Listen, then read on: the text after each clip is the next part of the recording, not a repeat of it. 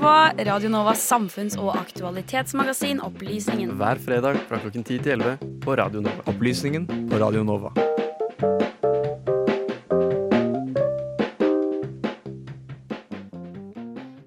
Ja, det har vært det valg i Finland, og spillet om å danne ny regjering pågår for fullt.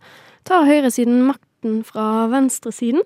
Det har vår reporter Alexander Klyve Gudbrandsen laget en sak om, og den får du høre her. Det ligger an til en høyredreining i finsk politikk. Lederen for det konservative Samlingspartiet, Petteri Orpo, har nettopp starta regjeringsforhandlinger sammen med tre andre borgerlige partier. Dette er ytre høyre-partiet Sandfinnene, Kristdemokraterna og det svenskspråklige partiet Svenska Folkpartiet. Valg på nytt parlament, eller riksdag som man nå kaller det i Finland, ble avholdt 2. april. Her ble Samlingspartiet største parti, foran Sosialdemokratene på andreplass og Sannfinnene på tredje.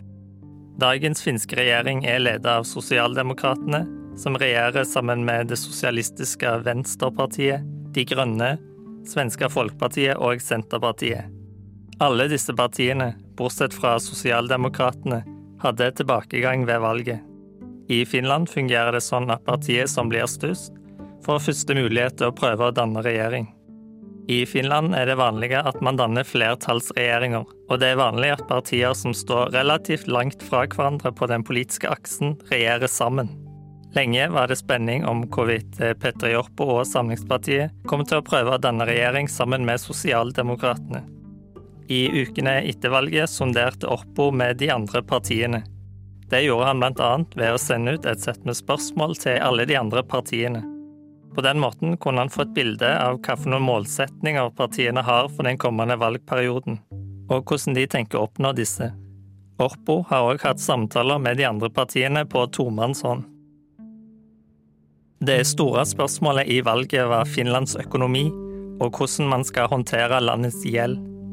De fire partiene som nå setter seg sammen for å forhandle om en ny regjering, ser relativt likt på hvordan man skal få balanse i de offentlige finansene og hvordan man skal håndtere Finlands gjeld.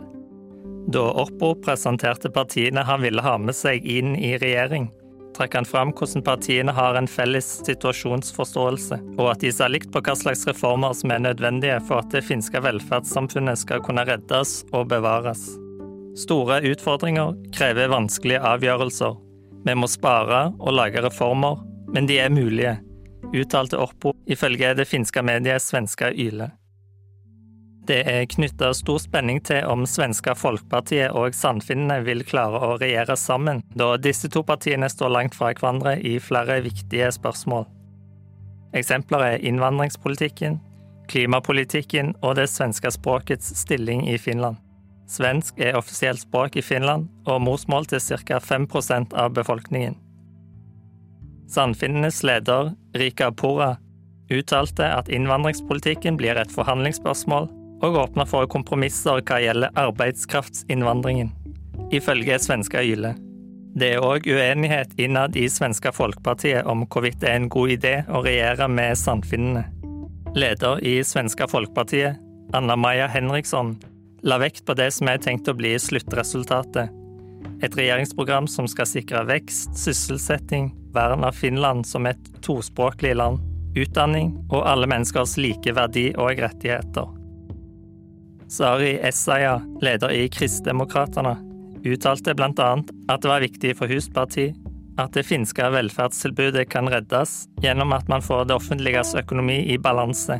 Essaya la òg annet vekt på at arbeid skal være lønnsomt, ifølge svenska Yle.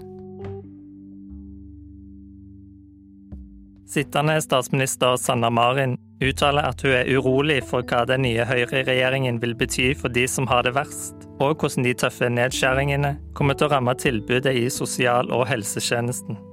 Skjærer de ned i den størrelsesorden Samlingspartiet har varsla, vil det sette dype spor i samfunnet for lang tid framover, uttalte Marin ifølge Hovedstadsbladet. Det står klart at man står innenfor vanskelige regjeringsforhandlinger. Forhandlingene bygger på kompromisser mellom partiene som nå har satt seg fore å bli regjeringspartnere. Nå gjelder det bl.a. å bli enige om regjeringsprogram og fordeling av ministertaburetter partiene imellom.